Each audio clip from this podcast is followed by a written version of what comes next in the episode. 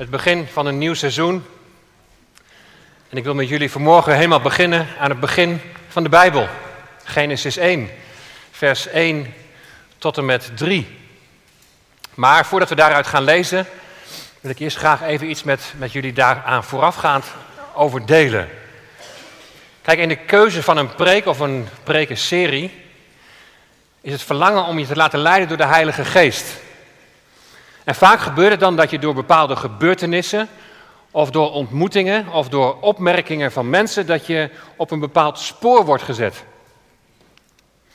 Nou, als vervolg op de serie over de eindtijd die we vorig seizoen hebben gedaan, uh, groeide bij mij het verlangen om, om dat plan van God, om dat in nog groter perspectief te zetten. Daar zit hij. Daar gaat iets mis. Om het plan van God dus in een nog groter perspectief te zetten, maar het tegelijkertijd ook heel praktisch te maken. Nou, hoe komen deze twee verlangens, hoe komen die nu samen?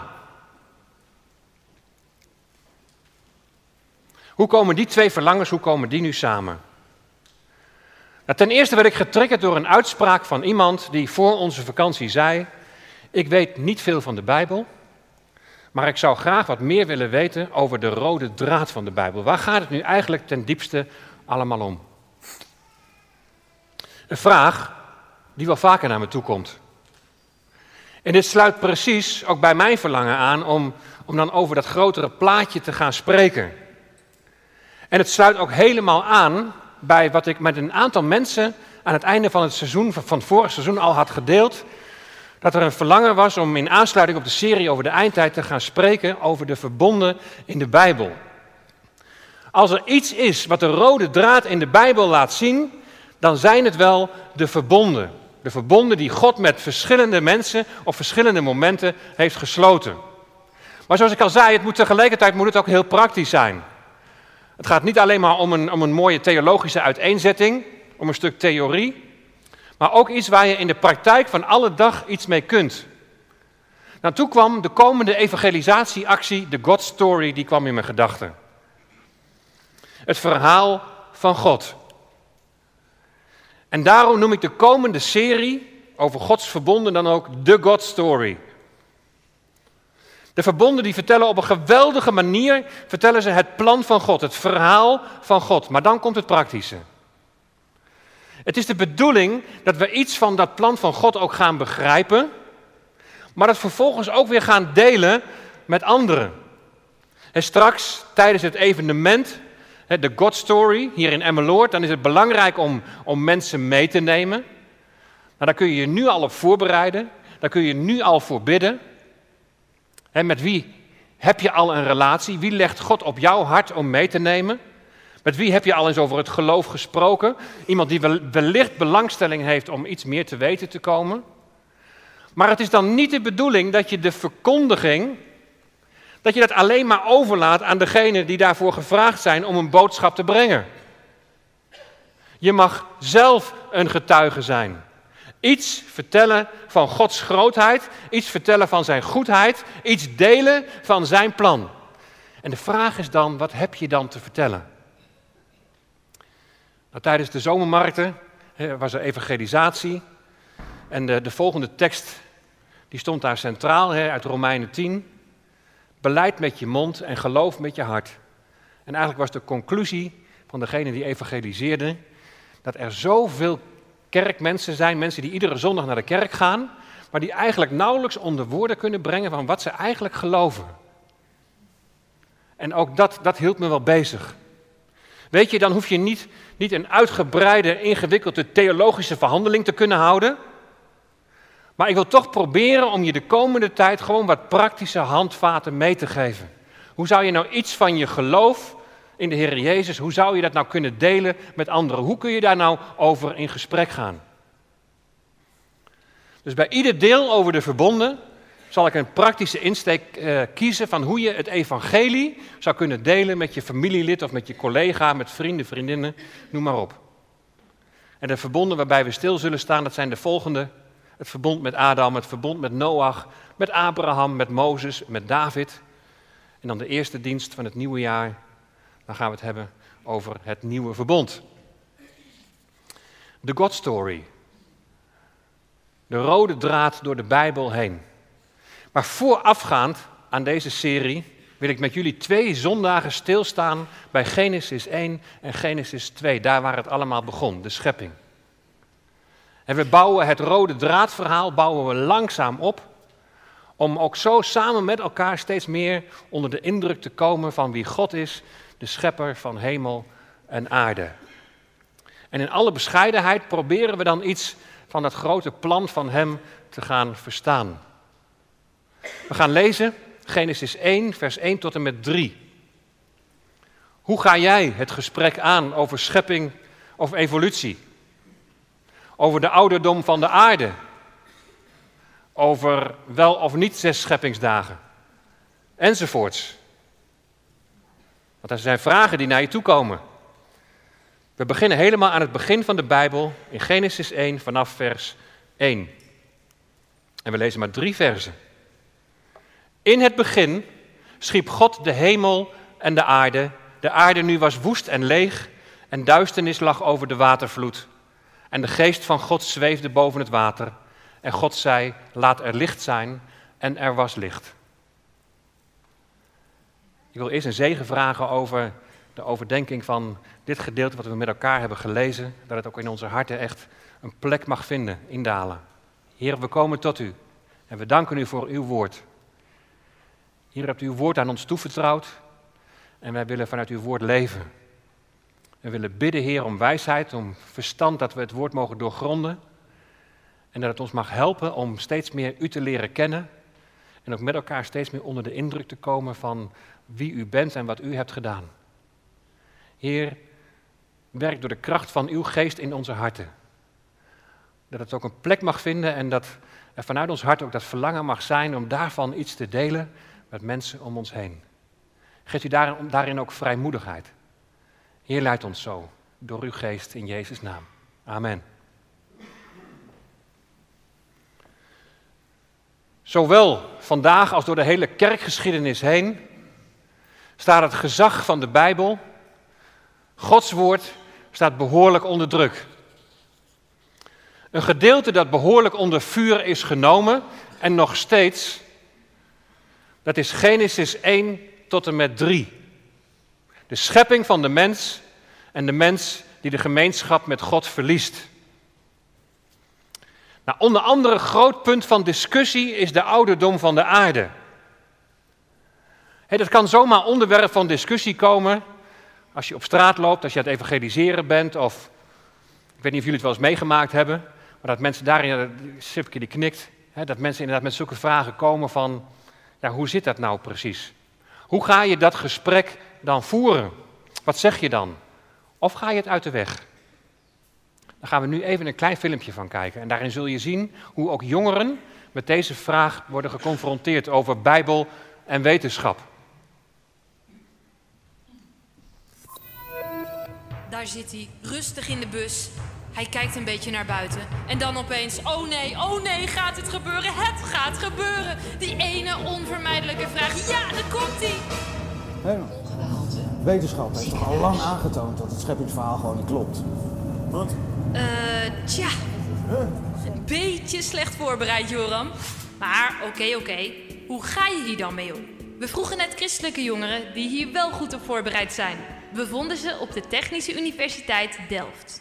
Ja, ik heb wel eens mee te maken gehad. En dat was uh, ook op de faculteit, bij ons op de universiteit. Toen ik uh, op eerstejaarsweekend ging van de uh, studievereniging, dus dat is van natuurkunde, zeg maar, ga je met alle eerstejaars ga je op weekend. Sommigen zijn echt heel verbaasd van, je gelooft en hoe kan dat nog in deze wereld? Ze waren aan het praten over dat de Bijbel onzin was en dat geloof dat je dan echt super dom bent. Dus er zat echt met zo'n kringetje mensen die me allemaal aan het bestoken waren met vragen. En die helemaal van, ah, dat kan me niet zo. Het is soms wel lastig als mensen echt zo heel stellig beweren van, yo, dat is echt klopt echt niks van wat jij gelooft. Ik vind het juist wel, wel tof dat mensen zo stellig eh, ja, overkomen en denken, oké, dit is een uh, interessant gesprek.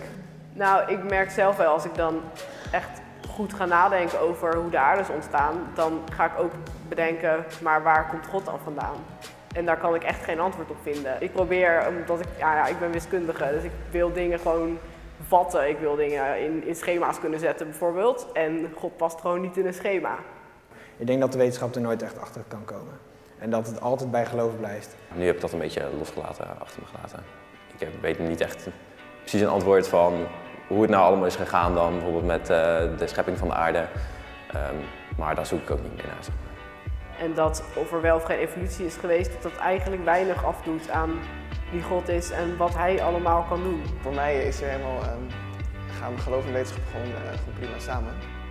Kunnen alleen zeg maar, met liefde en als mensen dat willen uitleg geven waar zij dat willen. En dan kunnen ze zeg maar, verder komen in, in het nadenken. Maar echt God gaan verdedigen is denk ik niet echt de bedoeling. Oh, nice. Ja, nou, wat ik had... Oh, ik ben veel te laat. Nou ja, hoe ga jij hiermee om? Drop het hieronder in de reacties. Ik ben echt benieuwd. Laat het even weten. Eh, en ik ben ook benieuwd hoe ik deze bus uitkom. Eh, joh, is er nog iemand? Hé, hey, wegwezen uit de bus. Sorry, sorry, sorry. Ik moet ook verder, man. Ja, de laatste vraag was, hoe ga jij daarmee om? En hier zie je het van jonge mensen die worden gaan studeren en die worden met deze vragen worden ze geconfronteerd. Hoe ga jij hiermee om? En deze jongeren die laten het eigenlijk ook aan de ene kant wel een beetje, beetje rusten. Maar het doet niets af aan hun geloof in God. En dat laten rusten is enigszins begrijpelijk, hè, zoals dat wiskundige meisje ook zei. God is niet in een systeem te vatten.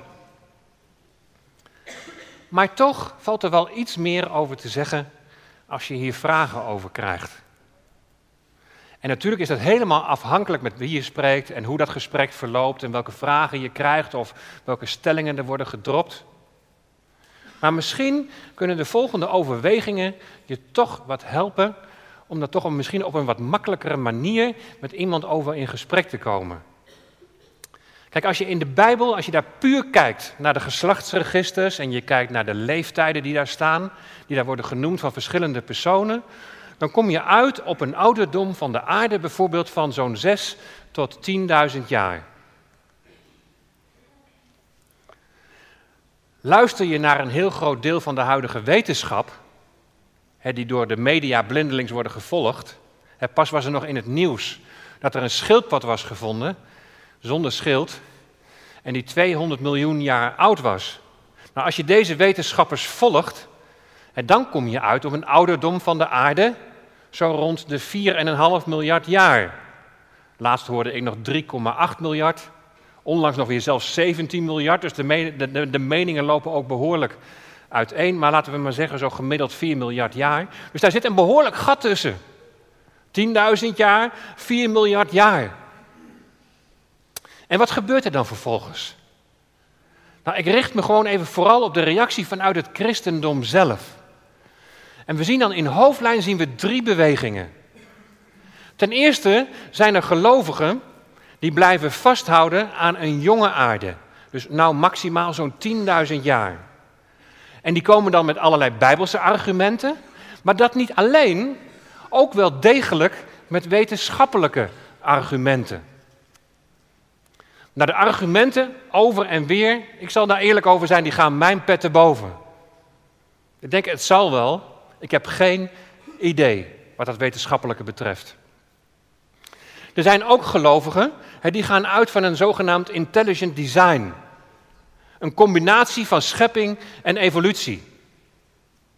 God is dan in hun ogen de intelligente ontwerper, maar die heeft dan vervolgens dat evolutieproces gestuurd. Nou, er zijn ook nog gelovigen, dat is dan een derde groep, die met verschillende argumenten vanuit Genesis 1 een verklaring willen geven dat een oude aarde ook bijbels gezien zeer goed mogelijk is. Heel bekend is bijvoorbeeld de vertaling van Genesis 1, vers 2. De aarde nu was woest en leeg. Maar nee, zeggen ze dan, dat staat er niet. Letterlijk staat daar, de aarde nu werd woest en leeg. Dus men suggereert dat er al een soort van strijd heeft plaatsgevonden tussen God en Satan. En dat die wereld door die strijd woest en leeg is geworden. Dus er is nog heel wat voor Genesis 1. En zo komen ze ook op een veel oudere aarde. Over die strijd en het opstaan van Satan tegen God kun je dan lezen. Dat wordt dan als argument gebruikt in Jesaja 14 en Ezekiel 28. De schepping die we dan lezen in Genesis is dan al een soort van, van herschepping, een nieuw begin. En zo kan de aarde miljarden jaren oud zijn. We noemen dit ook wel de restitutietheorie.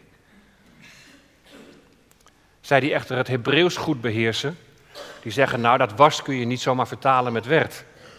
Want dan had er een heel ander Hebreeuws woord moeten staan. En daarbij moet ik ook weer zeggen, dit gaat mijn pet te boven.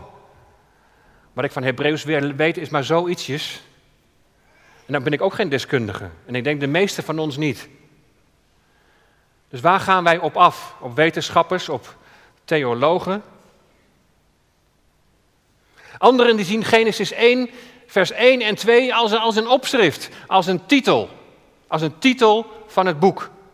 In het begin schiep God de hemel en de aarde. De aarde nu was woest en leeg en duisternis lag over de watervloed en de geest van God zweefde boven het water. En dan zeggen ze, ja, dat is de titel, dat is het opschrift. En daarna, in vers 3, begint pas echt de schepping. En daar kan best wel 4 miljard jaar tussen hebben gezeten.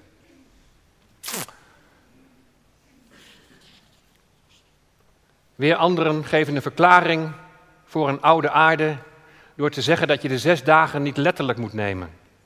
Eén dag is als duizend jaar, duizend jaar is als één dag. En duizend jaar is ook niet letterlijk duizend jaar, maar een hele lange periode. Maar zo krijg je de ene theorie naar de andere.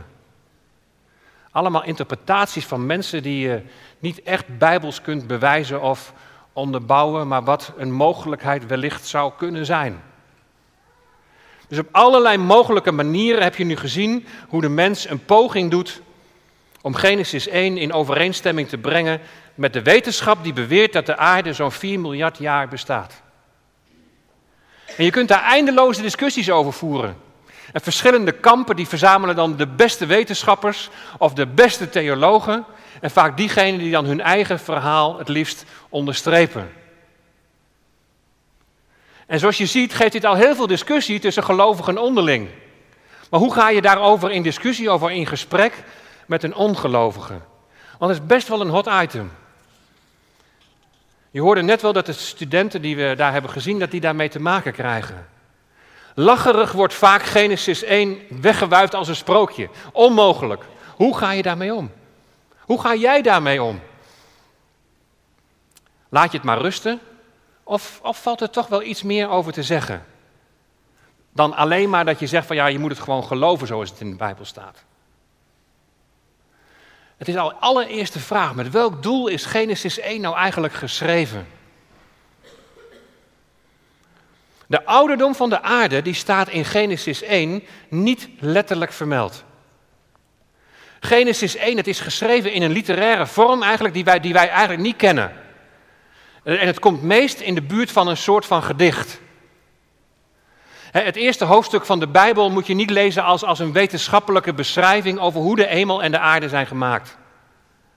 Je moet het eerste hoofdstuk van de Bijbel ook niet lezen als een natuurkundig verslag over het ontstaan van het heelal. Je zou het eens moeten vergelijken met een geboortekaartje. Vergelijk het eens met de geboorte van een kind. Op dat geboortekaartje, daar staat niet beschreven wat zich negen maanden geleden precies heeft afgespeeld rond de verwekking en het ontstaan van het leven. Nou, gelukkig niet, toch?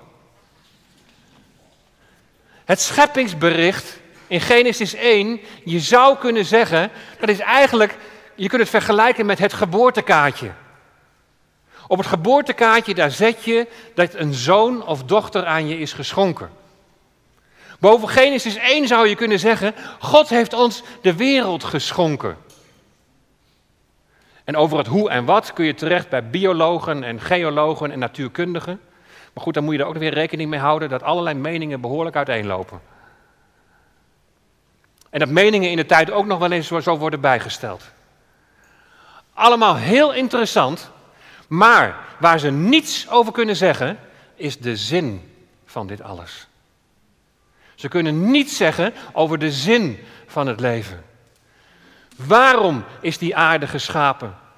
Waarom zijn wij mensen daarop gezet? Wat is het doel van ons leven? Is het wel de juiste vraag die je stelt als je de vraag stelt hoe oud deze aarde is? Dat worden oeverloze discussies. Waar gaat het dan wel om? Nou laat ik het illustreren met een heel eenvoudig voorbeeld dat ik ergens tegenkwam. Misschien ken je deze wel. Winnie de Poe. Een hele lieve, maar een wat onnozele beer. En deze Winnie de Poe die houdt enorm van honing.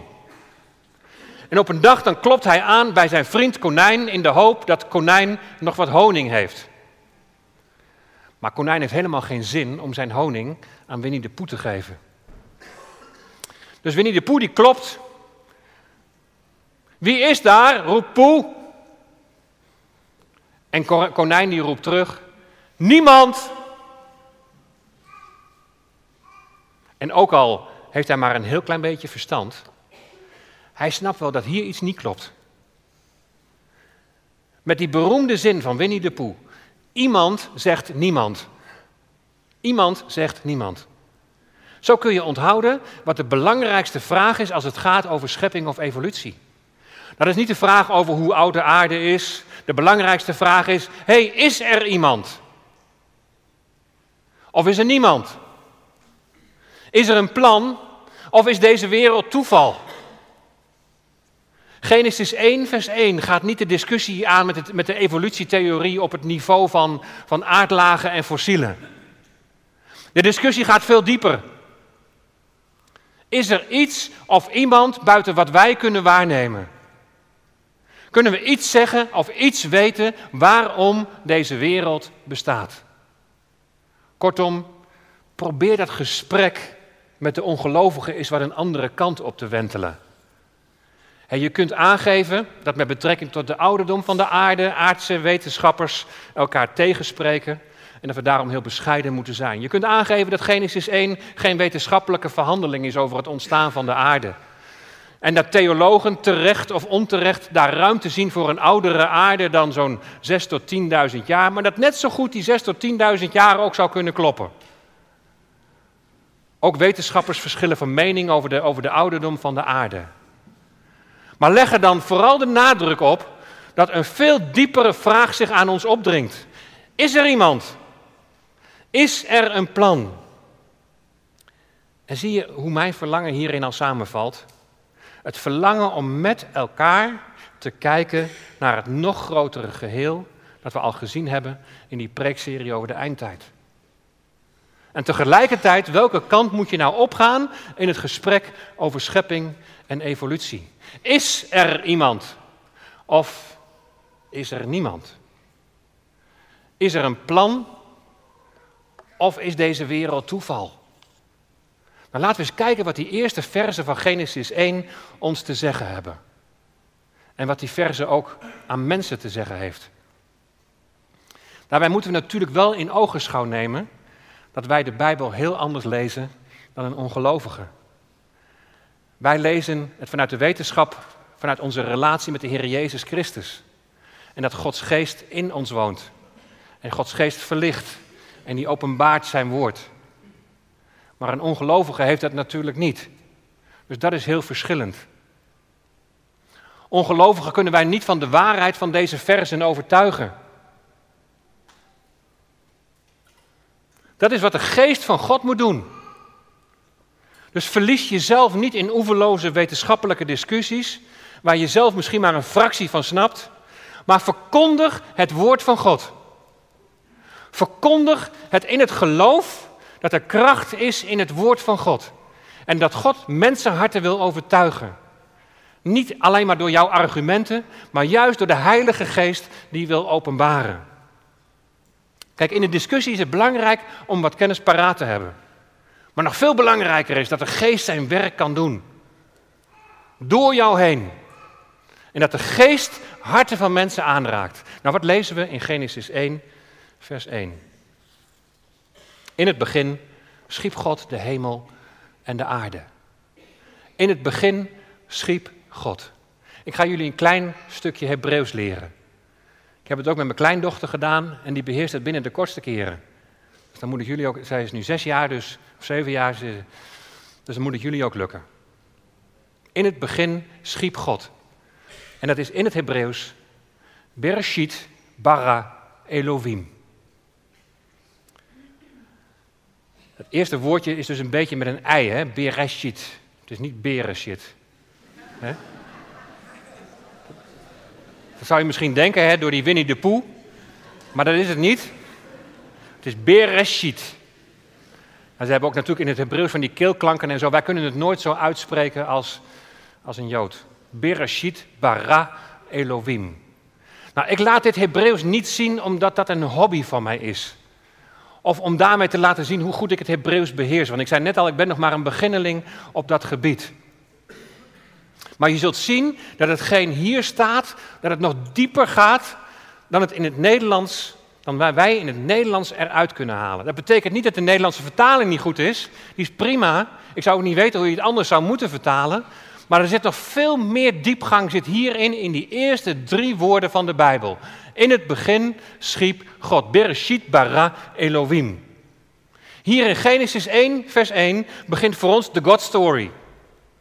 En dat begint allereerst met God zelf, met Elohim, dat derde woordje. Nou, dat is het woord wat we meestal wel kennen, waar we ook van zingen, hè? Heer, u bent Elohim. Nou, wat heel opmerkelijk is, is dat Elohim staat hier in het meervoud. Er had gewoon El kunnen staan, want El betekent God. El betekent ook machtige.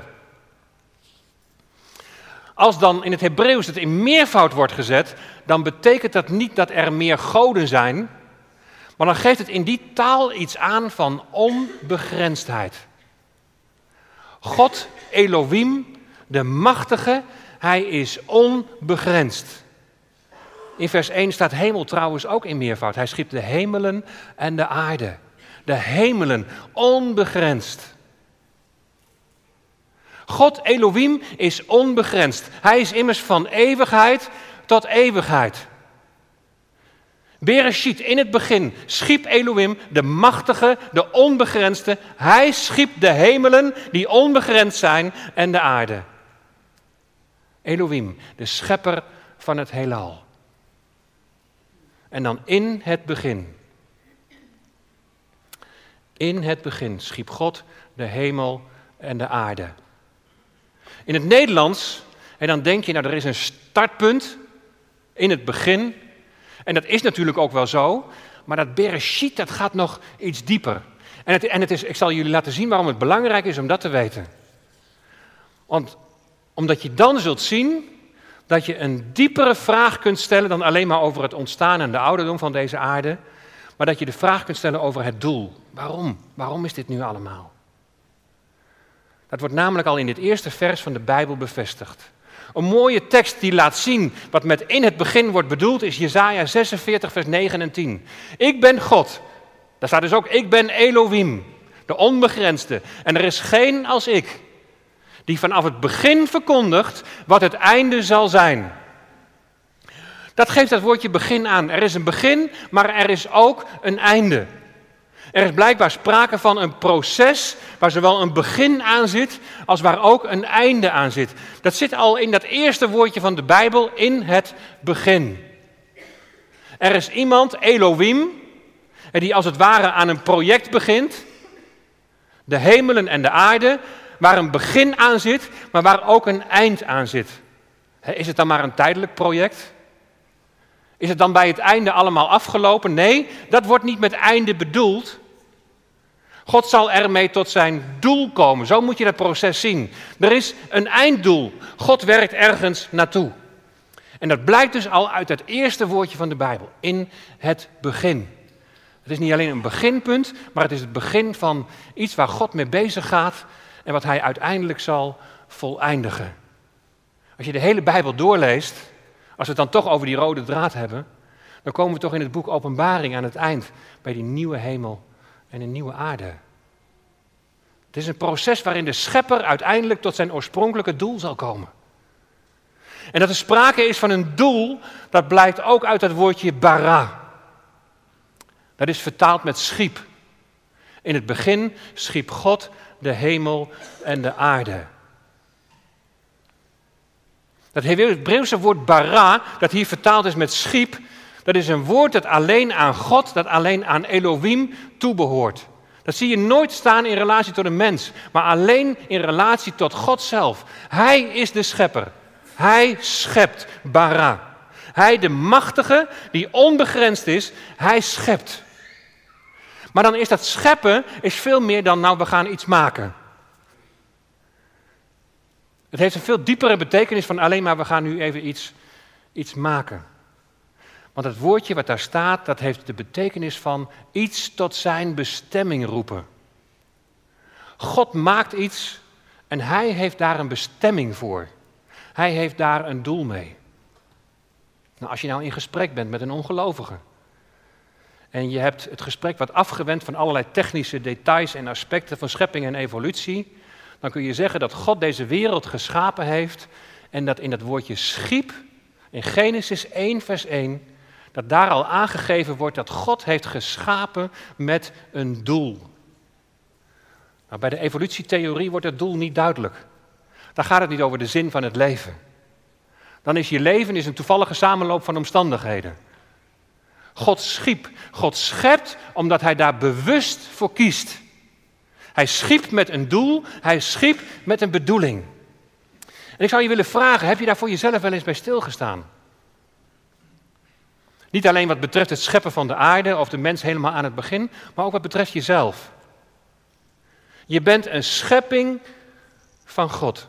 Hij heeft iets gemaakt en hij heeft jou gemaakt. En hij heeft voor jou, heeft hij een bestemming. Hij heeft jou met een doel gemaakt. De schepping is niet een kwestie van toeval, het is niet een vergissing of een Big Bang maar is heel bewust door God gewild en bedoeld. Maar dat geldt voor jou ook. Jij bent ook geen toeval. En jij bent ook geen vergissing.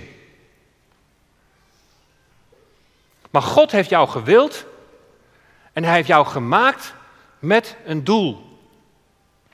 Weet je, er kan zoveel in je leven zijn gebeurd wat je niet kunt plaatsen. Dat je, dat je niet kunt verwerken dat je overspoelt met vragen. Er zijn soms mensen die zo diep gaan dat ze zelfs tot die uitspraak komen: Ik ben een vergissing. Ik had er eigenlijk helemaal niet moeten zijn. En dat je je al helemaal niet kunt voorstellen dat God een bestemming, een plan, een doel voor jouw leven heeft. En toch, en toch, spiegel jezelf eens aan God hoe God de hemelen en de aarde heeft geschapen. Kijk maar in vers 2. De aarde nu was woest en leeg. En duisternis lag over de watervloed en de geest van God die zweefde boven het water. Woest. Dat betekent een woestenij. Dat betekent een onleefbaar gebied. Het is allemaal nog vormloos. En leeg betekent een totale leegte. Er was Aanvankelijk sprake van één grote chaotische watermassa waarover een dikke dreigende duisternis hangt. Het was een onmogelijke regio om te leven. Woest en leeg was het. Het was woest en doods. In het Hebreeuws luidt dat tohu wabohu. De profeet Jeremia die gebruikt diezelfde uitdrukking, woest en leeg, in de situatie van oorlog en van strijd. Woest en leeg, zo voelden de Israëlische ballingen zich in Babel. Ver van huis, ver van de tempel. Een leven woest en leeg, want de wereld leek wel zonder God. Woest en leeg, misschien herken je dat op de een of andere manier wel in je eigen leven. Is het niet heel kenmerkend in onze wereld van nu? Is het niet vaak chaotisch, vol waanzin en dwaling en, en verwarring? Er kan ook in je eigen leven kunnen er momenten zijn van diepe verlorenheid. Van woest en leeg. Maar God, Elohim, de machtige, de sterke, die boven alles verheven is, die onbegrensd is, die heeft het niet bij het woeste en het lege gelaten. Weet je, hij ging er iets moois van maken. In het vormloze begin ging Hij orde scheppen. En zo wil Hij orde scheppen in jouw leven. Dat is jouw boodschap voor een ongelovige die je ontmoet. Maar misschien zit jij hier zelf vanmorgen wel met geen idee van, van een doel of perspectief in je leven. Geen idee met welk je doel je dan geschapen zou zijn. Maar weet je waar het werkelijk scharnierpunt zit? Dat zit hem niet in hoeveel kennis je hebt over de schepping of over evolutie. Niet in hoeverre je het allemaal met je verstand kunt verklaren. Het werkelijke scharnierpunt, en dat zullen we straks in al die verbonden ook gaan zien, het werkelijke scharnierpunt is Jezus Christus. Samen met de geest had hij een actieve rol in de schepping. Weet je, de vader die nam het initiatief. De zoon is degene waarvoor de, waardoor de vader schept. Zoals je kunt lezen in Colossense 1, vers 16. Want door hem zijn alle dingen geschapen. We hebben het net nog gezongen. Die in de hemelen en die op de aarde zijn. Die zichtbaar en die onzichtbaar zijn. Tronen, heerschappijen, overheden of machten.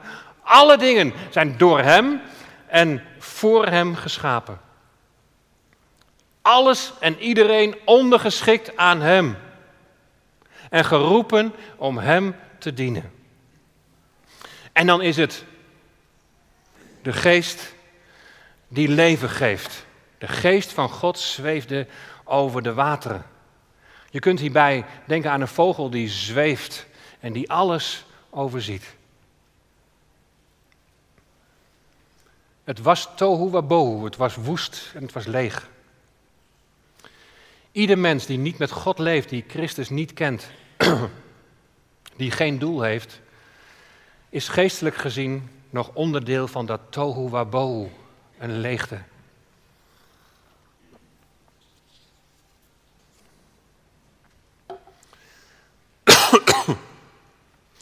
Dan kun je als mens wel geschapen zijn, maar er is herschepping nodig. Opdat je gaat, staan, gaat verstaan waarom je geboren bent. Herschepping in de chaos. Zoals God de ruach, de levensadem in de eerste mens blies, zo wil de geest in mensenlevens, waar het nu nog tohu wabohu is, waar het nu nog woest en leeg is, waar mensen nog in zonde leven, dat wil zeggen leven in ongeloof, zonder God, bij hen wil de geest wil herscheppen. Mensen geestelijk opnieuw geboren laten worden. Dat is van een hele andere orde dan discussiëren over de ouderdom van de aarde. Dan wordt Genesis 1 wordt het geboortekaartje. Dan zie je in Genesis 1 zie je de grootheid van God. Dan ga je zien dat je geboren bent om in relatie met God te leven. Dat je geboren bent met het doel om Hem te aanbidden. Dat is je bestemming. Dat is het doel in je leven. Dat Hij de eer ontvangt die Hem toekomt. We zullen bij alle verbonden zien dat Jezus het als het ware het scharnierpunt is. Dat het draait om Hem. Jezus Christus en die gekruisigd, Hij die opgestaan is uit de dood. Het is goed om wat handvaten te hebben. dat je weet dat het een het andere niet altijd uitsluit. Dat er verschillende interpretaties zijn van het begin, ook onder gelovigen. Dat je weet dat wat de wetenschap ons wil doen geloven ook niet lang altijd gebaseerd is op een eensluidende mening. Allemaal die dingen. Dat Genesis 1 geen wetenschappelijke verhandeling is over de schepping, maar de macht en de verhevenheid en de onbegrensdheid van de schepper beschrijft.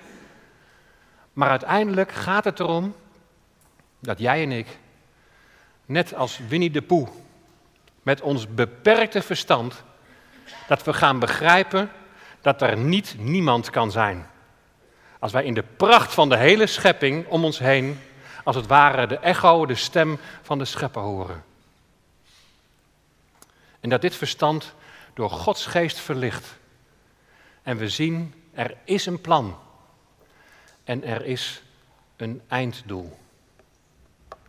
U heeft mij voor uzelf gemaakt. Dat is een lied wat we nu met elkaar willen gaan zingen. U heeft mij voor uzelf gemaakt. En mijn hart is onrustig tot het rust vindt in u. Herder van mijn ziel, die het duister verlicht. Ik zoek uw aangezicht tot ik rust vind bij u. Hoe ik mij ook voel, u alleen bent mijn doel. Ik zoek uw aangezicht tot ik rust vind bij u. Zullen we daarbij gaan staan?